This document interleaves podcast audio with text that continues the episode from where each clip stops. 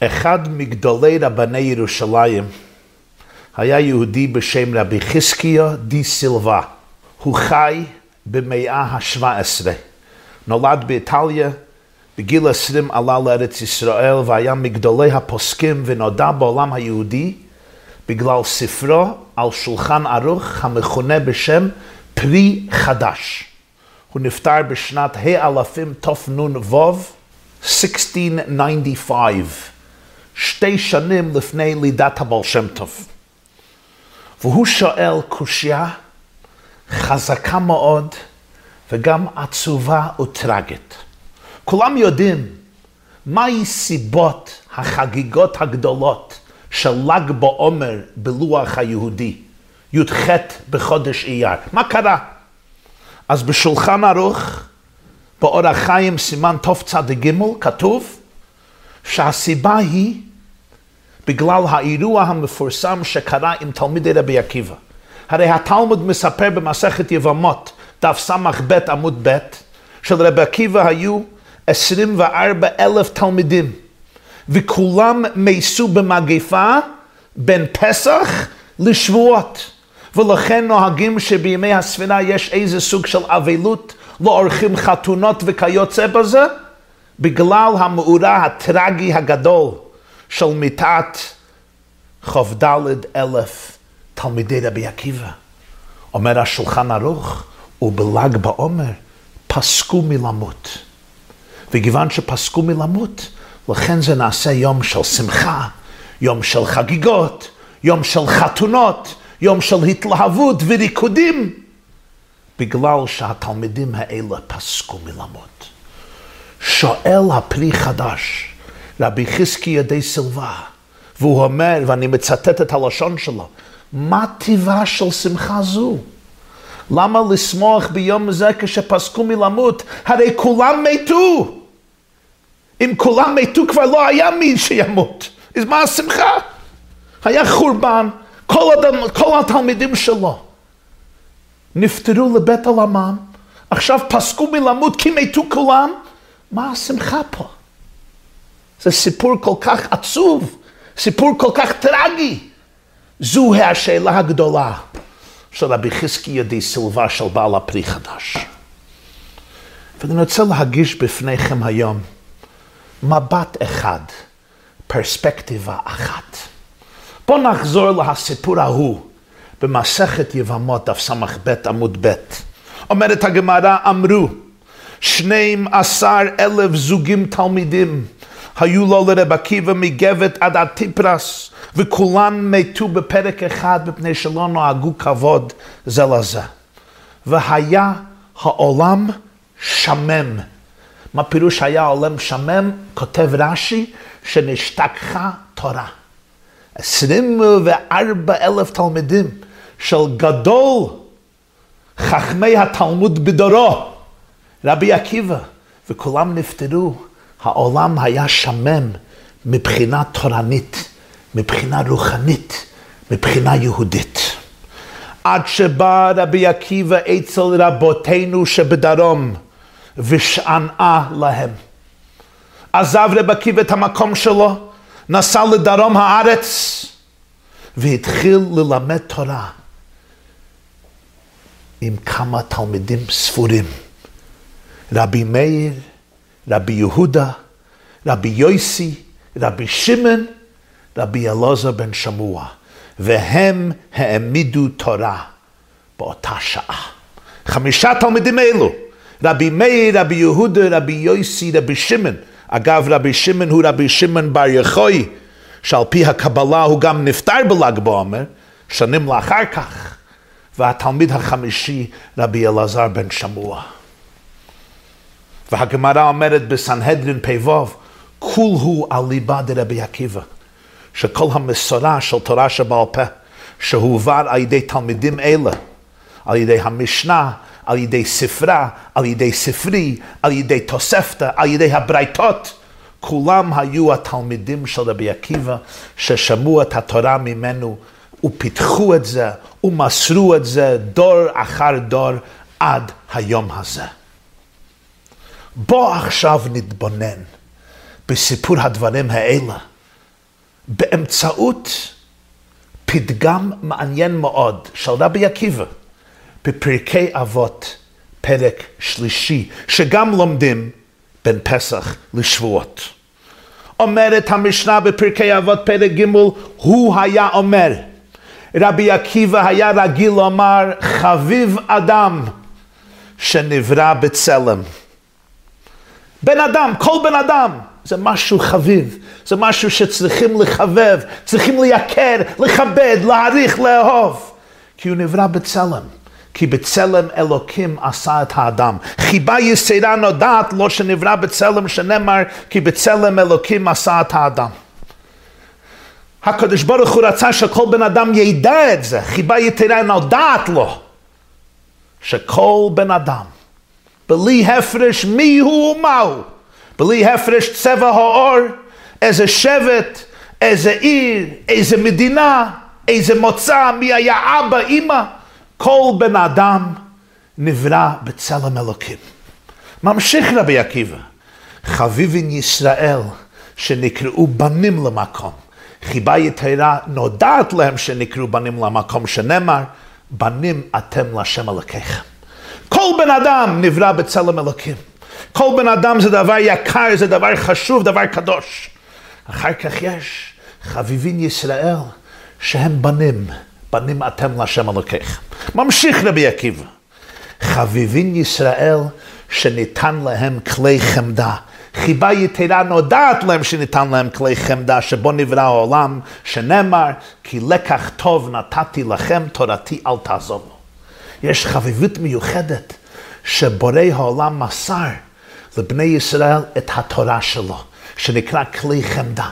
המתנה זו של התורה, תורת חיים, תורת אמת, התורה שנותנת הוראות איך לחיות חיים מלאים משמעות, חיים מלאים שמחת החיים, חיים מלאים תוכן פנימי בעולם הזה או בעולם הבא, מבחינה פיזית ובבחינה רגשית ובבחינה רוחנית. מתנה מיוחדת, כלי חמדה של הקדוש ברוך הוא, שנקראת התורה.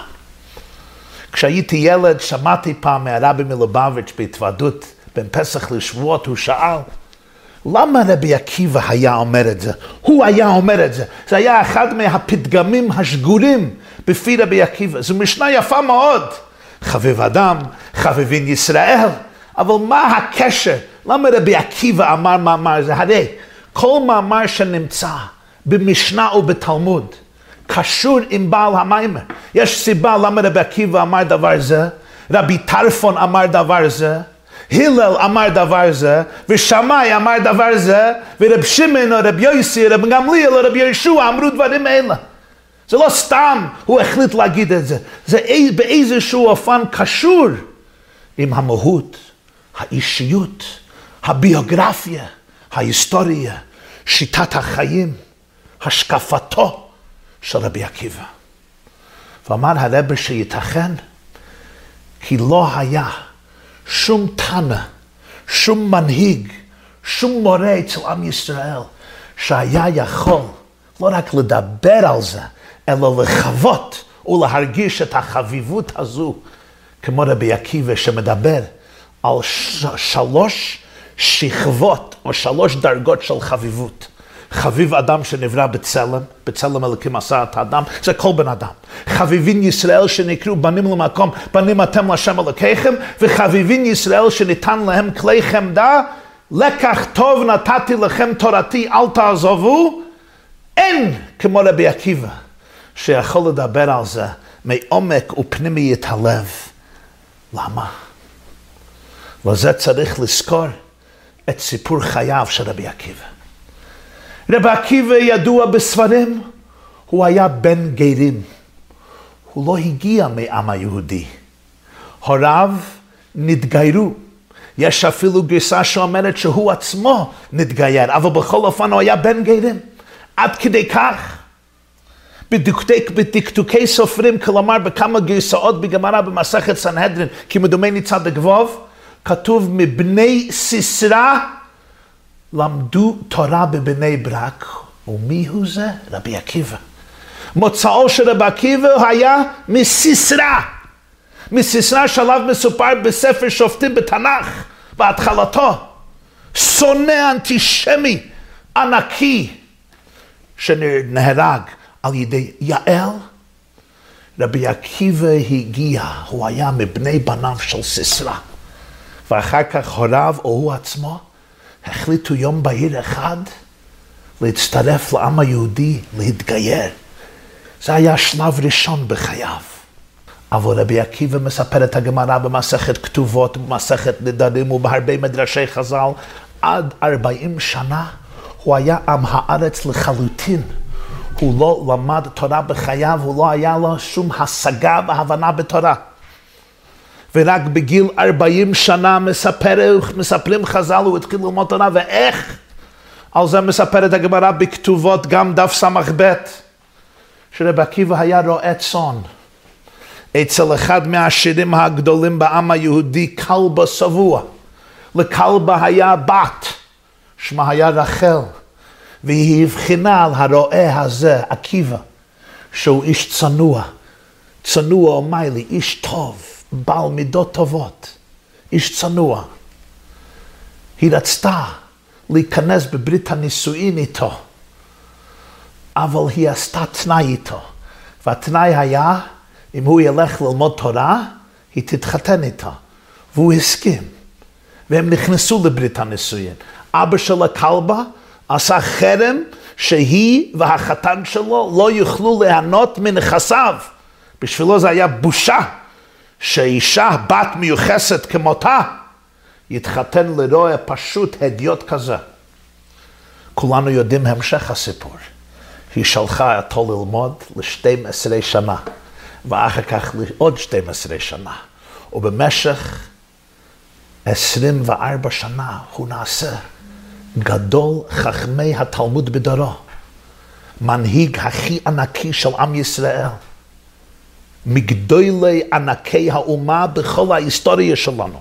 עד כדי כך, כפי שאמרנו, הגמרא אומרת שכל התורה שבעל פה שיש לנו עד היום הזה, הכל מרבי עקיבא, כולו עלי בדרבי עקיבא. מישהו שאל אותי פעם, לא מבין איך רוכל עושה דבר כזה. כל אישה רוצה שהבעל יהיה בבית. 24 שנה שולחת אותו מהבית, איזה שלום בית יש פה. ורבי עקיבא הוא זה אומר במסכת שבת, איזו עושר, כל שיש לו אישה נאה במעשים. הגמרא מספרת בכתובות של אחרי 24 שנה כשהוא חזר לבית עם אלפי תלמידים והיא עצתה להיפגש עם בעלה והיו כמה שמה שלא הבינו מי ורצו לדחוף אותה הם לא הרגישו טוב שהיא נמצאת שם בכל הבלגן, בכל ההתלהבות, הקבלת פנים הענקית. ומה אומר רב עקיבא לתלמידים? שלי ושלכם שלה הוא. הכל משתייך אליה. הוא הרי ידע איך זה קרה. אבל פה נבין את עומק העניין. מה שרחל הבינה. זוהי הרי הוא התקופה הכי קשה בתולדות עם ישראל עד השואה. לפני דור לא היה חורבן בהיסטוריה של עם ישראל כמו חורבן בית שני ומה שקרה אחר כך. מלכות רומי החליטה אחת ולתמיד לא רק לעקור את העם מארצנו, אלא גם לעקור כליל כל המסורה, כל התורה, כל האמונה, כל המורשת, כל הדת של יהודים. הרגו ורצחו לא רק מאות אלפי או מיליוני יהודים כמתואר בספר יוסיפון על ידי ג'וסיפוס פלביוס יוסף בן מתתיהו וגם במדרשים ובגמרא וכולי. לא רק ששרפו את בית אלוקינו, החריבו את ירושלים והארץ, אלא גם רצחו מנהיגי האומה, עשרה הרוגי מלכות, וגם גזרו שכל מי שיתפסו אותו, לומד תורה, מקיים מצוות, מרביץ תורה, ירצחו אותו מיד. כבר לא הייתה עתיד לאומה זו. רחל ראתה ברועה זה את הפוטנציאל שהוא יחיה את האומה מחדש, שהוא ישמור את מורשת התורה, שהוא יבטיח את, ניצחו, את נצחיותו של עם ישראל, שבשם קדשך נשבעת לו שלא יכבה נרו לעולם ועד. ודאי הייתה שמחה שהוא ילמד תורה עשרים וארבע שנה, ובכך היא האישה הזו, שלי ושלכם, שלה הוא. בגללה אנחנו קיימים עד היום הזה. ורב עקיבא הבין את זה. עכשיו, מובן, שמעתי מהרבי למה רב עקיבא היה אומר, חביב אדם שנברא בצלם. מי כמותו היה יכול לחוות ולהרגיש את שלושת השלבים. חביב אדם שנברא בצלם. רב עקיבא דיבר על היקרות, על הערך של כל בן אדם, יהודי ולא יהודי. כי כל בן אדם נברא בצלם אלוקים, כי בצלם אלוקים עשה את האדם, הוא הרי הגיע מאומות העולם. אחר כך יש שלב שני בחייו.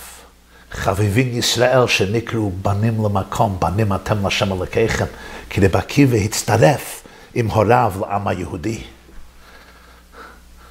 אבל לקח ארבעים שנה עד שהוא הגיע לשלב שלישי, שאז היה יכול להגיד חביבין ישראל שניתן להם כלי חמדה, כשהוא התחיל להק... לא, להעריך ולייקר ולהרגיש את מתיקות התורה, את נועם התורה, את עומק התורה, את האופקים שהתורה פותחת לבן אדם, ליהודי, לחיות בצורה אותנטית ועמוקה ומשמעותית יותר, שכל רגע ורגע זה חלק מחיים של משמעות, זה הבין בשלב שלישי בחיים, ולכן רבי עקיבא הוא זה שמדבר על החביב הזה.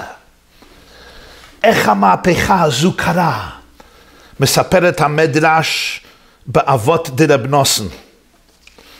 מה היה תחילתו של רבי עקיבא? שואל את המדרש אבות דרבי נתן פרק ו'. בן ארבעים שנה היה ולא שנה כלום, הוא לא למד כלום. פעם אחת היה עומד על פי הבאר, ופתאום הוא רואה שיש איזה נקב שנחקק באבן. אמר, מי חקק אבן זו? אמרו לו, המים שתדיר נופלים עליה בכל יום, הם חקקו את הנקב באבן. עקיבא, אי אתה יודע את הפסוק? אבנים שחקו מים? מים יכולים ליצור נקב באבן. מיד היה רבי עקיבא דן, קל וחומר בעצמו. מה רך פסל את הקשה? המים הרכים פסלו, חקקו את האבן הקשה, דברי תורה שקשים כברזל, על אחס כמה וכמה שיחקקו את ליבי שהוא בשר ודם, מיד חזר ללמוד תורה. עד שלמד כל התורה כולה. ואני שואל אתכם, מה היה פעם החידוש הגדול? רב עקיבא עד 40 שנה לא הבין שכשמים נוטף כל רגע, כל דקה, שנה אחר שנה, מאות שנה, אלפי שנה, יהיה איזה אימפקט, יהיה איזה רושם באבן. תלכו למערות הנטיפים. בכמה מקומות בארץ, תראו מה קרו לכל הסלעים שם, לכל האבנים שם. רב עקיבא לא הבין את זה, זה היה חידוש גדול. אחד מהביורים בזה הוא שבאותו רגע רב עקיבא תפס משהו. הוא תפס שהשינוי התחיל לא לאחרי חמשת אלפי שנה, או לאחרי ארבעת אלפי שנה, או לאחרי שלושת אלפי שנה. השינוי כבר התחיל ברגע הראשון, בטיפה הראשונה של מים, כבר התחיל השינוי. בדרך כלל רואים טיפה של מים נוטף, נופל על אבן, זה כלום. אבל רבי עקיבא הבין, אם הטיפה הראשונה לא הייתה פועלת כלום, גם הטיפה השנייה והטיפה השלישית והטיפה הרביעית והטיפה האלף לא הייתה פועלת כלום. אם לאחרי כל כך הרבה שנים נחקק משהו באבן, זה כי הטיפה הראשונה כבר עשתה פעולה. אחד מהדברים הכי גדולים שמייאשים בני אדם זה אני 40 שנה, עכשיו אני אתחיל את החיים מחדש, עכשיו אני אתחיל ללמוד, עכשיו אני, אתחיל, אני אתחיל לחגוג את החיים, עכשיו אני באמת אשקיע את עצמי ביהדות, עכשיו אני אצור חיים משפחה חדשים, עכשיו אני אמציא את עצמי, כמובן, מגיע הזמן, צריכים להיות ציני, זהו. רב עקיבא הבין, לא, הטיפה הראשונה כבר עושה רושם. טיפה ראשונה כבר עושה משהו. עד שלמד כל התורה כולה. עכשיו בוא נחזור לסיפור של ל"ג בעומר ונבין אחד מהתריצים לקושייתו הגדולה של בעל הפרי חדש, רבי יחזקאל די סילבה. בוא תבינו, עומד פה בן אדם שממש בכל תקופה בחייו הוא מוכן להמציא את עצמו מחדש, כי הוא מחפש את האמת. הוא תמיד מחפש משמעות עמוקה יותר. וקיבי הגיע ממשפחה יפה, אנשים טובים. הגמרא אומרת, היה איש צנוע, היה איש נחמד, היה לה דיספוזישן, מזג טוב, קיבל ודאי מאבא, מאימא, מסבא, אני לא יודע, על סיסרו, אבל היה משפחה טוב. חביב האדם שנברא בצלם, היה בצלם אלוקים. אבל מה? באיזשהו שלב התחילו להמציא את עצמם מחדש. הוא הרגיש שהאמת, שיא האמת נמצאת בתורת ישראל, בדת ישראל, אצל אלוקי ישראל, נתגלו ליהדות. היה יהודי טוב, יהודי נחמד, צנוע. לא היה יכול לסבוט, תוספות כותב שם, לא היה יכול לסבוט הארגנס, הגאווה, היהירות, האנוכיות, שהוא ראה בכמה וכמה מתלמידי חכמים, שהיו שונאים את עמי הארץ. הוא לא היה יכול לסבול את זה, הוא היה איש עדין הנפש. אבל בגיל 40, בעזרת אשתו הגדולה, הענקית, המסורה רחל, הוא תפס את העומק האינסופי שנמצא בתורתנו. והוא המציא את עצמו מחדש. ממישהו שהיה עם הארץ לחלוטין, לא היה יודע לקרות, לא היה יודע לשנות, הוא למד כל התורה כולה, עד שהוא העמיד 24 אלף תלמידים, והוא אומר לכולם, שלי ושלכם, שלו. תתארו לעצמכם, החוויה שרבי עקיבא מוסר שיעור ל-24 אלף תלמידים. הגמרא במסכת מנחות תכ"ט עמוד ב' מספרת שהקדוש ברוך הוא הראה למשה רבנו. משה רבנו עלה להר סיני והוא ראה שהקדוש ברוך הוא יושב עם ספר תורה והוא כותב את התגים על שבע מאותיות של ספר תורה, שין, עין, טס, נון, זין, גימל, צדק, יש ככה אותיות קטנות, מה שאנחנו קוראים תגים או קוצים, הם כמו עוד זין, שנמצאים על כמה וכמה מאותיות ספר התורה. ומשה רבנו, שהקדוש ברוך הוא אומר, רושם את זה, והוא אומר, מי מעכב על ידך בשביל מה זה? מי יבין את זה? הוא אומר שיהיה יהודי עקיבא בן יוסף שמו עתיד לדרוש על כל קוץ וקוץ תילי תילים של הלכות. על כל קוץ מהקוצים האלו הוא יבנה הרים וגבעות של הלכה. ומשה מבקש, הריני לי, אני רוצה לראות אותו. והקדוש ברוך הוא מכניס את משה רבנו לבית המדרש. הוא יושב בשורה השמינית או בשורה השמונה עשרה, והוא מקשיב לשיעור הגדול של רבי עקיבא. ומשה לא מבין מה שהוא אומר. יש סיפור שלם בגמרא שמה. אז תתארו לעצמכם, הרב עקיבא הזה, גדול, ענקי, גדול האומה, מנהיג האומה, גדול הדור. הוא מרצה, מלמד, מגביה, מרומם, מוסר את התורה, את מורשת התורה, לעשרים וארבע אלף תלמידים. ופתאום, טראח, טרגדיה, כמו שואה. כל התלמידים מתים בתקופה קצרה. איזה מגפה, מגפה מתפרצת, אסקרה זה נקרא, וכל התלמידים מתים. איך הרגיש רבי עקיבא באותו רגע? תבינו את השלבים שהוא עבר עד שהגיע לרגע הזה. זה לא היה קל, זה לא שהוא הוא, הוא נולד למלוכה הזו, הוא נולד בתוך האווירה של בית המדרש. כל שלב ושלב הוא היה צריך לחתור ולהתייגע ולהמציא את עצמו מחדש. להגיע מאומות העולם לעם היהודי, להגיע מהעם היהודי ללימוד התורה, להגיע מלימוד התורה 24 שנה עד שמעמיד 24 אלף, 24 אלף תלמידים. כמו האבנים שנחקקו על ידי עוד טיפה ועוד טיפה ועוד טיפה, שממשיכות להיות נוזלים במשך שנים. כך הוא עבד עד לרגע הזה, וברגע הזה, רחמנא ליצלן, הכל נאבד.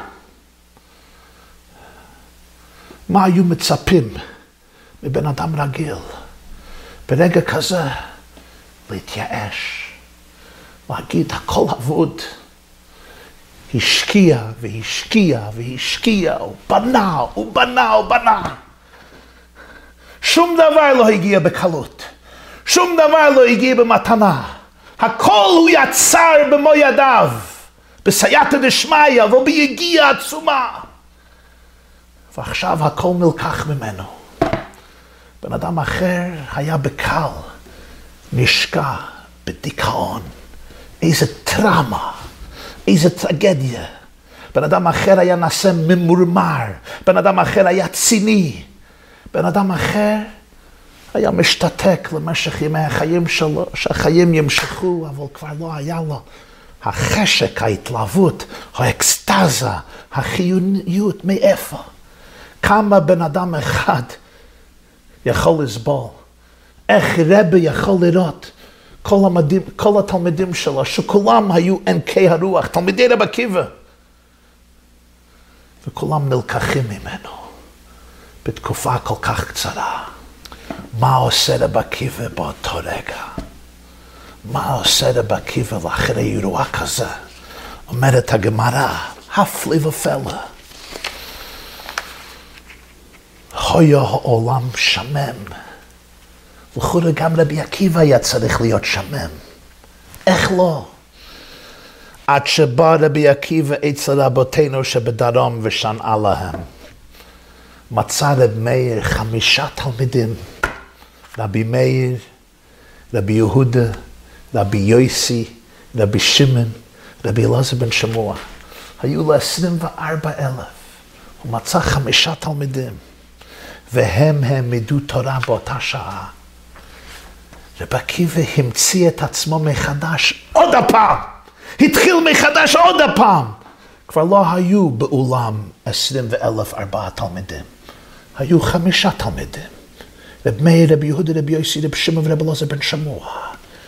השקיע בהם בכל כוחו, בכל נפשו, בכל ליבו, בכל מרצו. ותראו הפלא ופלא, אנחנו היום לא יודעים אפילו שם אחד מה-24 אלף תלמידים. אני לא יודע שם אחד, לא ראיתי. השמות של חמישה תלמידים אלו, כולם יודעים.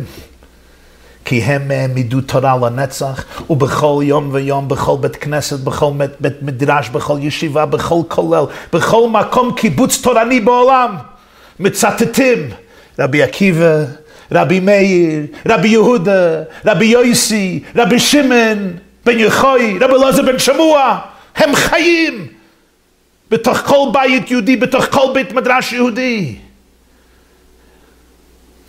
איך רבי עקיבא עשה את זה? רבי יושב בר סולובייצ'יק פעם אמר, תזכרו מה השם אמר למוישה במסכת מנחות אף כ"ט. יהיה יהודי עקיבא בן יוסף, על כל קויץ וקויץ, אז תד לדרוש תדי, תלי תילים של הלכות. אומר, המילה פה זה קוץ. כל קוץ. כל קוץ שהרומאים תקעו בתוך בשרו הקדוש של רבי עקיבא, מה הוא עשה עם זה? כל קוץ שהוא חווה בחיים, כל קוץ שדקר אותו, הוא לקח את הקוץ ויצר מזה טילי טילים של הלכות. לכן בסוף מסכת מכות מספרת הגמרא שרבי עקיבא הלך עם חבריו והגיעו למקום של הר הבית לאחרי החורבן וראו שועל יוצא מבית קודש הקדשים והם מתחילים לבכות. מקום שנאמר בו והזר הקרב, קרב יומת שועלים ילכו בו ורבי עקיבא משחק. שואלים אותו למה אתה משחק? מה אתה מחייך? שועל יוצא מהבית שהיה מכונה קודש הקדשים. הוא אומר לכן אני משחק כי יש נבואת ציון שדה תחרש. נבואת אוריה, יש נבואת זכריה, עוד ישבו זקנים וזקנות ברחובות ירושלים. לא ידעתי אם זה יתקיים. עכשיו שאני רואה שנתקיימה הנבואה של ציון, שדה תחרש, זה נחרש כמו שדה, שועלים הלכו בו. אני יודע שגם יתקיים עוד, ית, עוד ישו זקנים וזקנות, אומרת הגמרא בלשון הזה, אמרו לו, עקיבא ניחמתנו, עקיבא ניחמתנו. רבי עקיבא הוא זה שהעניק לעם ישראל את סוד הגדול של התקווה. עקיבא ניחמתנו, עקיבא ניחמתנו. ודאי שהוא בכה והתאונן, והייתה לו יגון עמוק ואבלות עמוקה מזה, שעשרים וארבע אלף תלמידים מתו.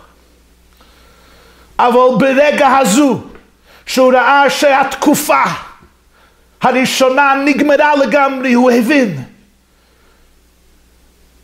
עוד ישבו, ישבו זקנים וזקנות, על כל קויץ וקויץ, צריכים להמציא את החיים מחדש, להפיח רוח חיים ותקווה חדשה בעם ישראל, אפילו שיהיו חמישה תלמידים. ומזה הוא בנה את הנצחיות של עם ישראל, תורת ישראל, מורשת ישראל, עד היום הזה. שמעתי פעם סיפור על יהודי שחי לפני מלחמת העולם השנייה. אבא שלו היה סופר גדול, ואבא היה עסוק בכתיבת ספר תורה. והדיו לכתיבה היה על ארון ספרים, אבא שם את זה במקום גבוה ומוצנע. והוא אמר לו, הבן שלו היה שובב, קטן, שלא ייגע בהדיו ולא ייכנס לחדר הזה, כי זה מאוד רגיש. נו, היה ילד שובב, מה הוא עשה?